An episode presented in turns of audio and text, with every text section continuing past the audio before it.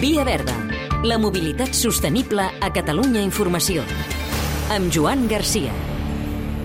Avui, el tren com a mitjà per incrementar el transport de vida al Penedès i del Llenguadoc cap a Europa.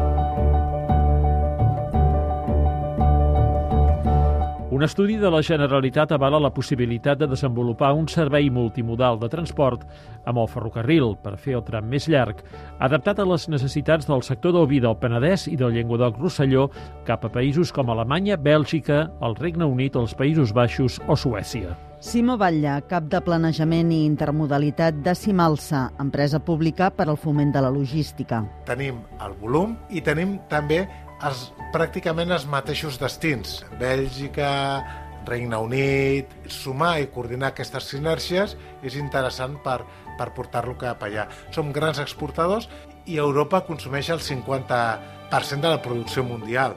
Té sentit que si tenim volum i tenim consum, l'apropem. I més si tenim la vocació de promoure el transport sostenible i que creiem que part d'aquest transport sostenible és amb el tren. L'estudi deixa clar que més freqüències ferroviàries atraurien més clients, però per començar es recomana aprofitar els serveis de transport de mercaderies que ja hi ha. Ara per ara, si ho volguéssim portar a terme, estaríem parlant d'aconseguir tres vagons més en un servei ja existent.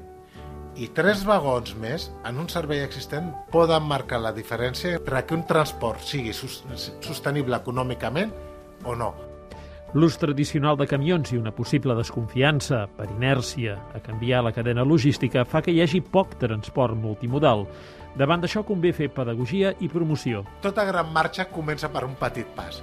Nosaltres el que ens interessa és que el sector del vi es convenci que és un transport que es pot fer, que no hi ha perill de la cadena de fred, que els hi surt econòmicament millor i a més és més sostenible. I per això, si ara aconseguim pujar tres vagons, jo estic convençut que més endavant, i més amb un clúster al costat que ajudi a agrupar la càrrega, podrem fer tot un tren. Aquest clúster Innovi hi és i és bastant actiu. Perquè quines són les claus de l'èxit del transport multimodal? Un és el cost i l'altre és la fiabilitat. No és tan important el temps, que no deixa de ser important, evidentment tots preferim en 3 dies que en 5, però si tu et diuen dijous a la tarda, vols que estigui dijous a la tarda, perquè la resta de, del transport que potser ja tens pagat i de la producció et depèn de que arribi el dijous per la tarda. De fet, eh, parlant amb alguns carregadors del sector de l'automòbil, preferien assumir una mica més de cost, però garantir la fiabilitat. Per tant, és un equilibri entre cost i fiabilitat. També fa mobilitat sostenible. Ferrocarrils de la Generalitat amb l'any europeu del ferrocarril declarat per la Unió Europea. La companyia ha vinilat tres trens per donar visibilitat a una campanya on s'explica la utilitat del tren per a les persones, l'economia i el clima. El transport en ferrocarril contribueix a lluitar contra el canvi climàtic i a reduir la contaminació a les ciutats i fomenta la competitivitat del territori. El RAC amb el CES de sostenibilitat. A través d'un programa europeu d'avaluació de vehicles mesuren l'impacte ambiental dels automòbils per promoure l'ús de cotxes més nets. Dels 25 vehicles analitzats, els més ben puntuats han estat el Volkswagen ID3 Pro elèctric i el Hyundai Nexo propulsat per hidrogen.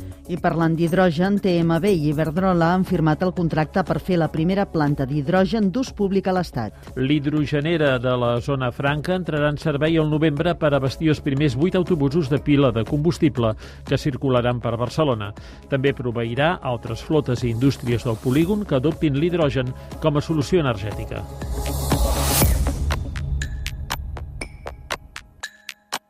Hem de tendir a... Crea centres de mercaderies per a la distribució de la paqueteria del comerç electrònic amb zero emissions. Via Verda, disponible al podcast i a catradio.cat.